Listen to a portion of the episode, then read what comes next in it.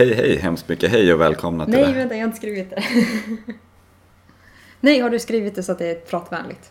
Jag vet inte. Ja, för att jag skrev hej, hej, hemskt mycket hej för att det är roligt och för att jag inte visste vad jag skulle skriva. Ja, Så men- det var ingen tanke med det. Det är väl kul. Vi Okej. kör.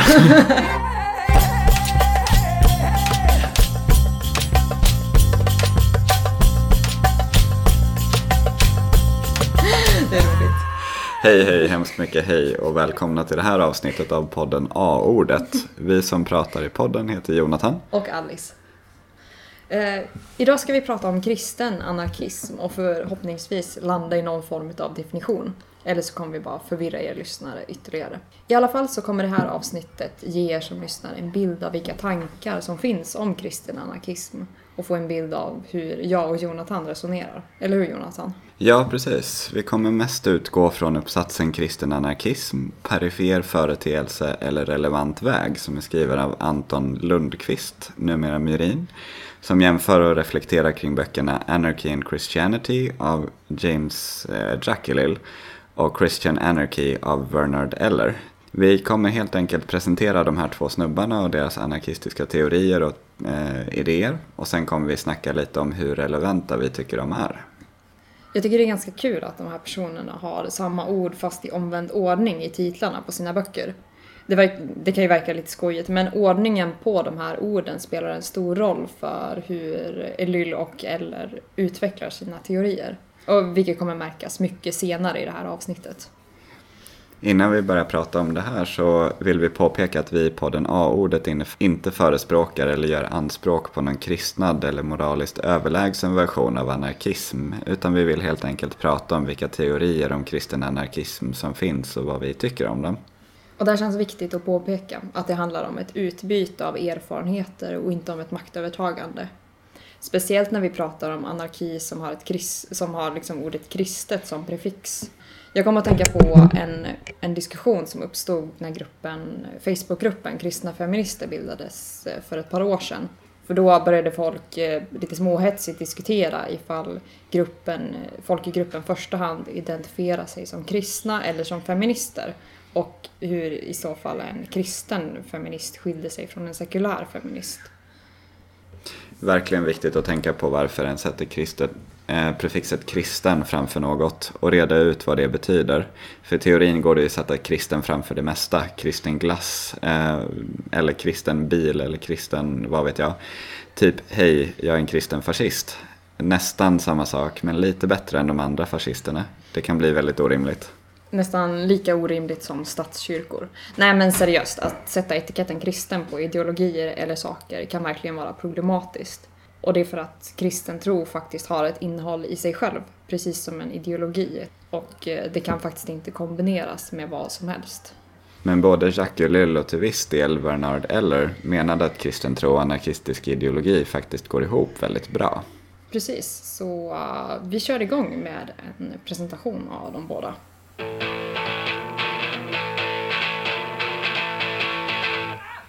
Eh, Så vad är det för snubbar det här då?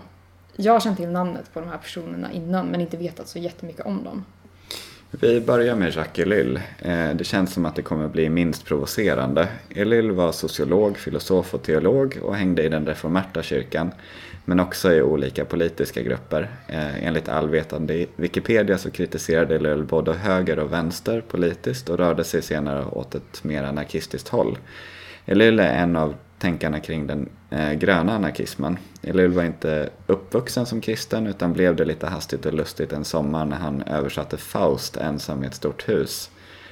Eh, den historien hade varit intressant att höra mer om. Men Elul säger att han kände att något var närvarande och det berörde hela hans varelse och allt runt omkring honom. Han blev då skräckslagen och cyklade därifrån i panik. Och det blev början på någon slags omvändelseprocess i hans liv då. Spännande. Eh, Vernard Eller då? Eller verkar inte ha gjort så himla mycket annat än att studerat och skrivit böcker i sitt liv. Det är svårt att hitta någonting skrivet om vad han gjort förutom de böcker som han själv har publicerat. Men han doktorerade i teologi och var författare och präst i Church of Brethren. Och eh, den här kyrkan, Church of Brethren, är en av de så kallade stora fredskyrkorna. Eh, vid sidan av den mennonitiska kyrkan och kväkarkyrkan. Church of Brethren kommer från ett pietistiskt håll och det betyder att det här är, att det är en rörelse som pekar väldigt tydligt på eh, människors behov av att eh, leva ett korrekt liv utifrån eh, vissa riktlinjer. Eftersom det är någonting som präglade den kyrka som Bernard Eller var präst i så kan vi väl anta att det var någonting som var viktigt även i hans liv. Mm. Men eh, då efter en snabb presentation om, om de här snubbarna och deras liv så ska vi gå mer in på det som de skrivit i de här böckerna som uppsatsen handlar om. Vi börjar lite med Jacques Ellul. Hans eh, teorier eller tankar går mycket i linje med, med en vanlig formulering att man pratar om mötet mellan kristen tro och anarkism. Han pratar mycket om mötet mellan just då de här två olika eh, traditionerna eller strömningarna och huvudsakligen var målet att visa hur anarkism som politisk ideologi kan vara ett fullt möjligt och politiskt korrekt förhållningssätt för en kristen utifrån kristen tro och tradition. Och att det kanske är det förhållningssätt som är mest rimligt för en kristen person. Ellul vill inte kristna anarkismen på något slags kolonialt maner utan han vill mer peka på hur eh, anarkismen kan vara ett förhållningssätt för en kristen person och att eh, det finns många förgrundsgestalter inom kristen tro som har haft ett eh, anarkistiskt förhållningssätt. Även om de själva inte använt begreppet anarkism för att beskriva det. Eh, som exempel så nämner han här Franciscus av Assisi och kyrkofadern Tertullianus och några andra kristna eh, förgrundsgestalter. Och eh, anarkism betyder inte oordning för Elyl utan snarare en frånvaro av auktoritet och dominans. Han opponerar sig mot visioner om att upprätta en anarkistisk stat. Ett sånt eh, görs omöjligt av människans inneboende girighet och maktbegär. Samtidigt är det viktigt för Elyll att arbeta för en, en sorts social modell som inte bygger på den enas maktdominans över den andra. Avståndstagande från våld är också ett väldigt viktigt del av Elylls sätt att tänka kring anarkism. Dels så anser han att icke-våld är mer effektivt än våld och pekar på exempelvis medborgarrättsrörelsen i USA, indiska befrielserörelsen ledd av Gandhi och solidaritetsrörelsen i Polen. Han menar också att det finns starka skäl för just kristna att vara emot våld. Och Ellulls fascination för anarkism kommer från möjligheten att bli kvitt maktdominans eh, totalt eller fullständigt. Eh, om jag parafraserar Ellull så menar han att maktdominans aldrig går att komma ifrån helt, men den går att motarbeta. Eh, det går att organisera sig i periferin och att frånsäga sig inte bara maktmissbruk, utan själva makten i sig. Och det är ett politiskt projekt som han då menar uttrycks enbart genom anarkismen och som bara anarkismen som ideologi vill ta tag i. Han lyfter också upp eh, bibeltexten om när Jesus frestas i öknen i Matteus evangeliets fjärde kapitel och Lukas evangeliets fjärde kapitel som ett exempel på det anarkistiska draget i kristendomen. Eh, när Jesus frestas med makt över alla världens riken säger djävulen att all, all makt i världen lagts i hans händer, hins händer och att djävulen kan ge makten till vem hin vill. Elull ser en viktig poäng då i att allt som har med politik och politisk auktoritet att göra ligger under djävulens makt. Den första generationens kristna såg därmed på staten som någonting som helt tillhörde djävulen.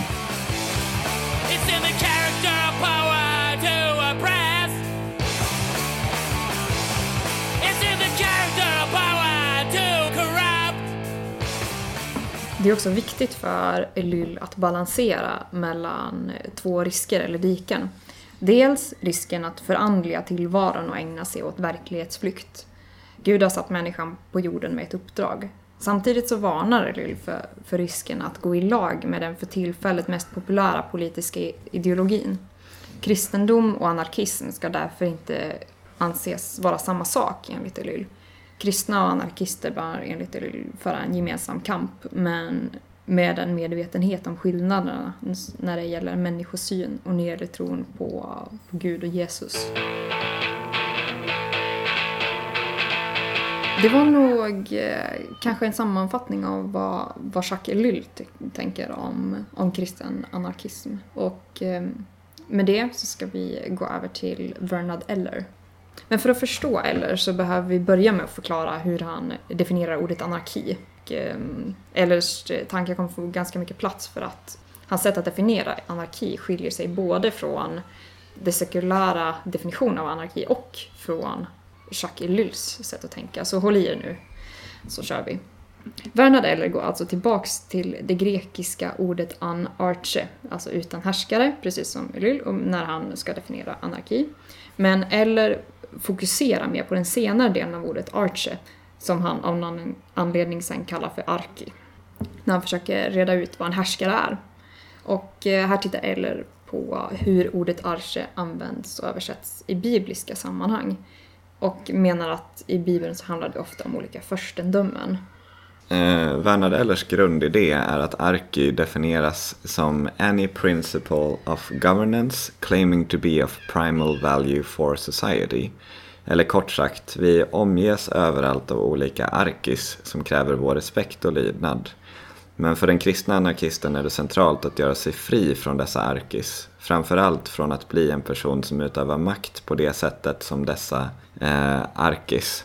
Alltså att utöva makt genom arkis. Eh, eller räkna med att Gud som en av de här krafterna eh, men menar att Guds arkin skiljer sig radikalt från andra typer av arkis, framförallt i hur de förhåller sig till makt.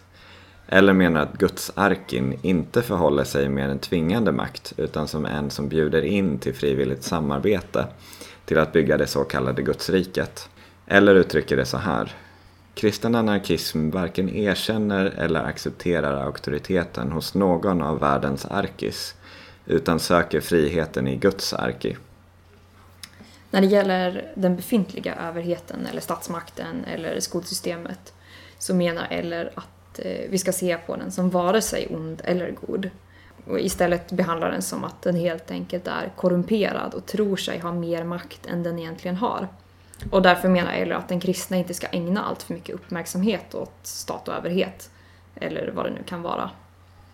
Vidare menar Eller att det är viktigare att bedöma en annan kristen för dess teologiska övertygelse snarare än dess, dess politik.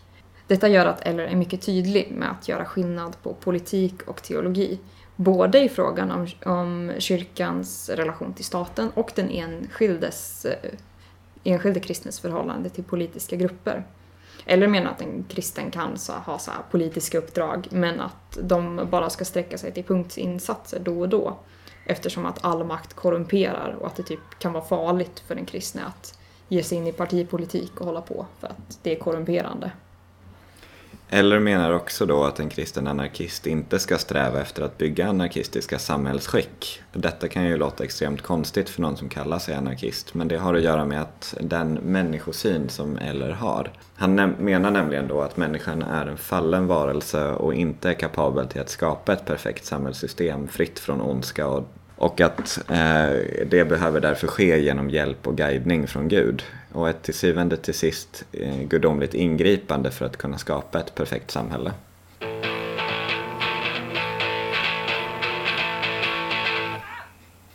Och som sagt, nu har vi ägnat ganska mycket tid åt Eller, men det är för att jag måste förklara hans begreppsdefinitioner för att veta vad han menar. Men kort sagt så, så går det att säga att eller uppmanar den kristna anarkisten till att göra uppror teologiskt snarare än politiskt. Men Eller är också mycket övertygad om att den utlevda arkikritiska kristendomen verkligen kan vara en subversiv kraft i samhället.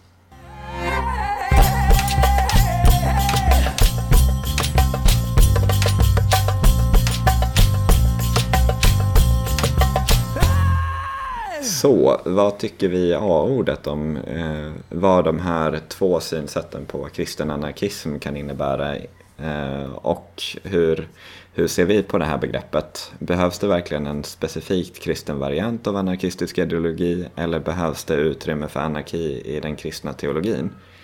Jag tänker att för mig så ligger det närmare att tänka med en anarkifiering av kristendomen. Eh, alltså hittar en anarkist i kristendomen så finns det alltid plats för honom men kyrkan hade mått bra av en större inspiration från anarkistiskt håll. Jag tycker inte att det är ett alternativ att vara eh, opolitisk som kristen eller att inte vara politisk. Speciellt inte i den tid vi lever i. Eh, det finns många paralleller mellan synsätten kristendom och anarkism. Eh, vi som kristna är kallade till ett uppdrag i världen och vi tar intryck av anarkismen. Och jag tror att vi har bättre förutsättningar att, göra, att bygga samhällen eller bygga gemenskaper på ett snyggt sätt om vi tar intryck av ett anarkistiskt förhållningssätt. Ehm, sen tänker jag absolut att vi behöver ett anarkistiskt samhällsbygge. Alltså inom kyrkan finns det också resurser som skulle gå att använda i ett anarkistiskt samhällsbygge. Och anledningen till att jag vill göra en podd om anarkism och kristen tro det är att jag tror att vi behöver en annan typ av samhälle, eller en bättre typ av samhälle. Verkligen, och där kan jag hålla med Jonathan. Eh, jag tänker också så här, när det gäller det anarkistiska samhällsbyggandet så är ju båda de här tänkarna väldigt, väldigt skeptiska. Och de verkar inte riktigt tro att det ska vara möjligt att bygga rimliga samhällen eftersom de ser på människan själv som korrumperad.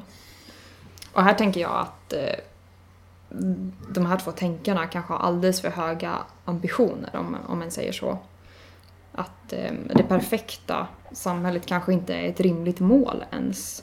Dels för att det kan vara ouppnåeligt och dels för att ett samhälle som är perfekt lätt eh, kan börja präglas av en elitism. Jag menar, det fascistiska samhällsbygget strävar ju efter en perfektion och en renhet som jag tycker är ganska snuskig i, eftersom att den är elitistisk och stänger eh, så kallade svaga människor utanför. Och eh, det är någonting som jag verkligen inte tycker är hemma i en kristen kontext. Och jag tänker att frågan om benä människors benägenhet att vara egoistiska, rädda eller douchiga verkligen är värd att diskutera. Men själv tycker inte jag att det ska ske genom att omyndigförklara människan och, och vår kapacitet att bygga rimliga, jämställda och rättvisa samhällen. Och det tycker jag är en ton som kan, som kan höra lite i, i både Jacques, Jacques Lyll och Bernard Ellers resonemang det är det gudomliga ingripandet som är, som är avgörande. Jag skulle hellre se en diskussion om hur, hur människa och Gud kan samarbeta för att uppnå visionerna om ett bättre samhälle. Och hur den kristna, exempelvis förlåtelsepraktiken, kan, kan, kan få ytterligare mer utrymme eller andra olika saker. Sen tänker jag också att det eh, utifrån ett anarkistiskt perspektiv inte handlar om att bygga det perfekta samhället eller att bygga den ultimata utopin utan det handlar om att bygga ett bättre och mer värdigt, mer eh, jämlikt och mer rättvist samhälle. Det är liksom en eh, förändring till det bättre och inte den, den slutgiltiga förändringen utan när när samhället har blivit mer rimligt så kommer det dyka upp nya utmaningar på horisonten som då behöver tas tag i. Och då kanske anarkismen inte räcker längre som ideologi utan då kanske det behövs nya tankar och visioner om, om nästa steg i processen så att säga. Eh, sen tänker jag också att våld är en mer komplex fråga än vad LL och Eller erkänner. Eh, tittar man till exempel på eh, anarkisten Peter Gelderlos som har skrivit eh, boken Anarchy Works med mera så pekar han till exempel vid flera tillfällen på att det inte går att jämställa det våld som polisen eh, som utövas mot kanske polisen vid en protest och, eh, med det våld som militären utövar när de fäller en bombmatta över en hel stad med människor. Det är två helt olika saker som behöver diskuteras var och för sig och är helt väsensskilda. Och när man kallar båda två för våld så blir de jämställda på ett sätt som inte är rimligt. Både den amerikanska medborgarrättsrörelsen och den indiska nationella befrielserörelsen befann sig i en kontext där det också fanns ett väpnat motstånd, ett våldsamt motstånd mot vakten. Trots att de eh, var icke-våldsliga och samtidigt som de var icke-våldsliga. Och det här kan vara en del av anledningen till att det faktiskt gick bra för dem. Och berättelsen är därmed också mer komplex. Eh, icke-våld är kanske en bra strategi, våld, våld är kanske en dålig strategi men ibland så behövs båda delarna också. Eh, just frågan om våld får vi nog diskutera mer i ett eget avsnitt längre fram, just i och med att den är så pass stor och komplex.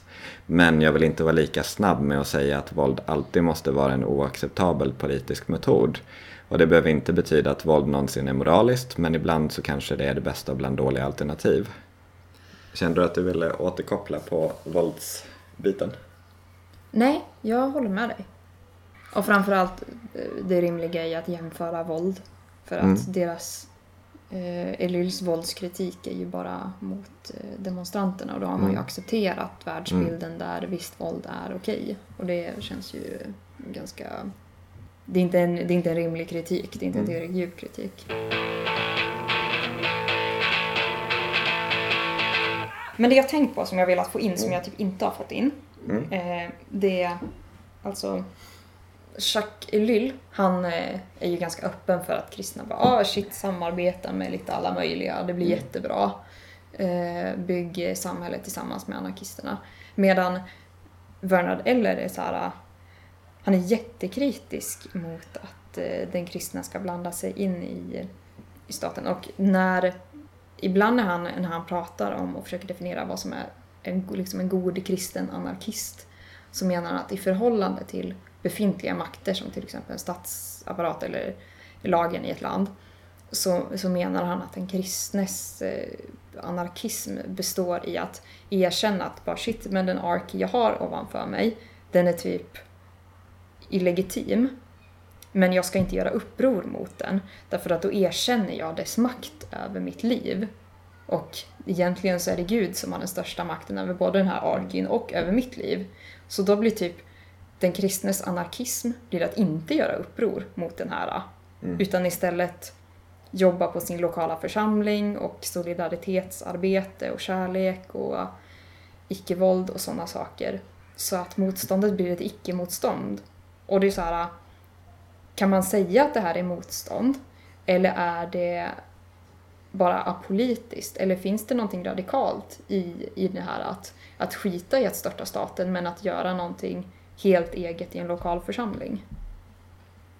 Det, eller jag tänker också att det blir någonting där man kanske, som vi också kommer återvända till, typ med eh, jag har tänkt att vi ska göra någonting på temat dubbelmakt som jag tycker är väldigt spännande. Och där, eh, så, hur skulle det se ut att göra revolution idag liksom? Hur många personer vill ha en, vill göra revolution i typ Sverige? Eh, tvärtom så är det ju så att nationalstaten Sverige skyddar en massa privilegier som är jättenice för typ mig eh, som jobbar och har lite cash. Eh, ja, så Precis, mycket så har för jag inte. men- vem, för vem är revolutionen nyttig? För vem är den välkommen? Mm.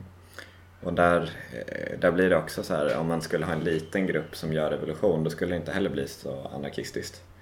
För då skulle det bara vara den här liksom, eh, vanguard, vanguardistklassen liksom, förtruppen som gör revolution på, för de andra. Liksom. Precis, eller ett gäng skogsmuppar som har ett kollektiv i skogen. Vilket kan vara mysigt men det kanske inte är revolutionärt.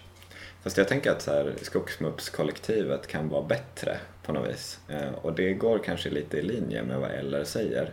Det är ju mer sant kanske eftersom att man gör det man gör bra istället för att låtsas att man gör en stor revolution som man inte gör. Men Var det så du menar? Nej men också att så bygga samhället prefigurativt. Att eh, börja bygga på det vi vill se eh, redan idag. Liksom. Men jag går ju lite i tankar kring att off-grid och flytta ut i skogen. Och det skulle vara ganska schysst att göra det på sikt. Men sen att bli helt självförsörjande och så här, bryta kontakten med andra det känns ju orimligt på en massa olika sätt. Och att helt ge upp liksom, motståndet eller motståndstanken, den känns också orimligt. Men, men det skulle kännas rimligare att komma med ett motstånd när jag faktiskt har ett alternativ som jag kan servera och säga att vi kanske kan göra det här istället. Och då kan skogsmuppskollektivet, alltså jag älskar det här ordet, men det kan vara som en förberedelsetid för någonting senare. Är det lite det du är ute efter? Ja men absolut, och där man testar liksom hur fattar vi beslut utan att det är hierarkiskt eller utan att någon blir förtryckt och hur löser vi de här problemen i praktiken liksom. Och börja ta tag i den frågan redan innan det är dags. Jag tänker också att den typen utav den lilla gruppen som bygger samhället som en längtar efter, att det kan vara en ganska vilsam plats på, även om det såklart är ett hårt arbete att, att skapa den här typen av nya samhället inuti det gam- skalet av det gamla samhället. Liksom. Så kan det vara vilsamt än att befinna sig i, mitt i ett samhälle som hela tiden gör en eh, så himla frustrerad och arg. Och eh, göra någonting som känns konstruktivt på, även om det är liksom lite tillbakadraget. Att det tillbakadragna behöver inte vara, vara någonting dåligt utan det kanske kan vara någonting som bevarar ens mentala hälsa till och med. Istället för att behöva leva i ett sjukt eh, tröttsamt samhälle. Det är också viktigt att göra saker bara för att det är nice. Alltså, Ja, men det verkligen. Ett stort värde i så här, ja men det här känns bra, jag vill det här liksom. Och det, det är väl därför jag tänker mycket på Skogsmuppskollektivet för att det skulle kännas väldigt nice att bo på landet och typ chilla med får. Jag vet inte. Det finns ju inte så jättemycket får på landet, säger jag som vuxit upp på landet. Det finns hästar. Ja, det är sant. Men det, det är också för att jag bor, har vuxit upp inom, inom en två timmars bilfärd radie från Stockholm, det- vilket betyder att hästgårdar kostar jättemycket där jag kommer ifrån. Skogsmuppskollektivet får helt enkelt ligga på Gotland. Är, Eller i kolonierna i Norrland. Ja, det kolonialiserade Norrland. ja, det är, jag tycker det är en ganska så schysst identitetsstämpel. Vi från kolonierna. Liksom. Det är Stockholm ute i landet. Det är de två polerna Ja. liksom. Och den största fördelen med det, det är att då kan man skicka brev från kolonierna. oh snaps! Jag tror att vi avslutar det här äh, samtalet nu. Annars kommer det bli jätteflummigt. Japp. Om ni har frågor och förslag på ämnen eller känner någon helt fantastisk person som du tycker vi borde intervjua så hör av dig till oss på aordet.podcast.gmail.com eller på Facebook där vi heter aordet-podden. Vi hörs!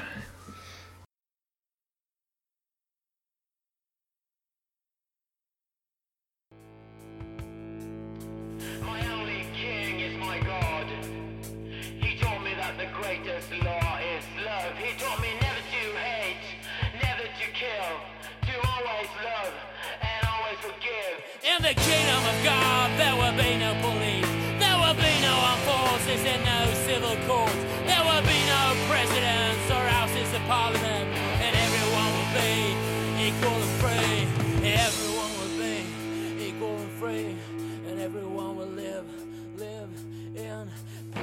Música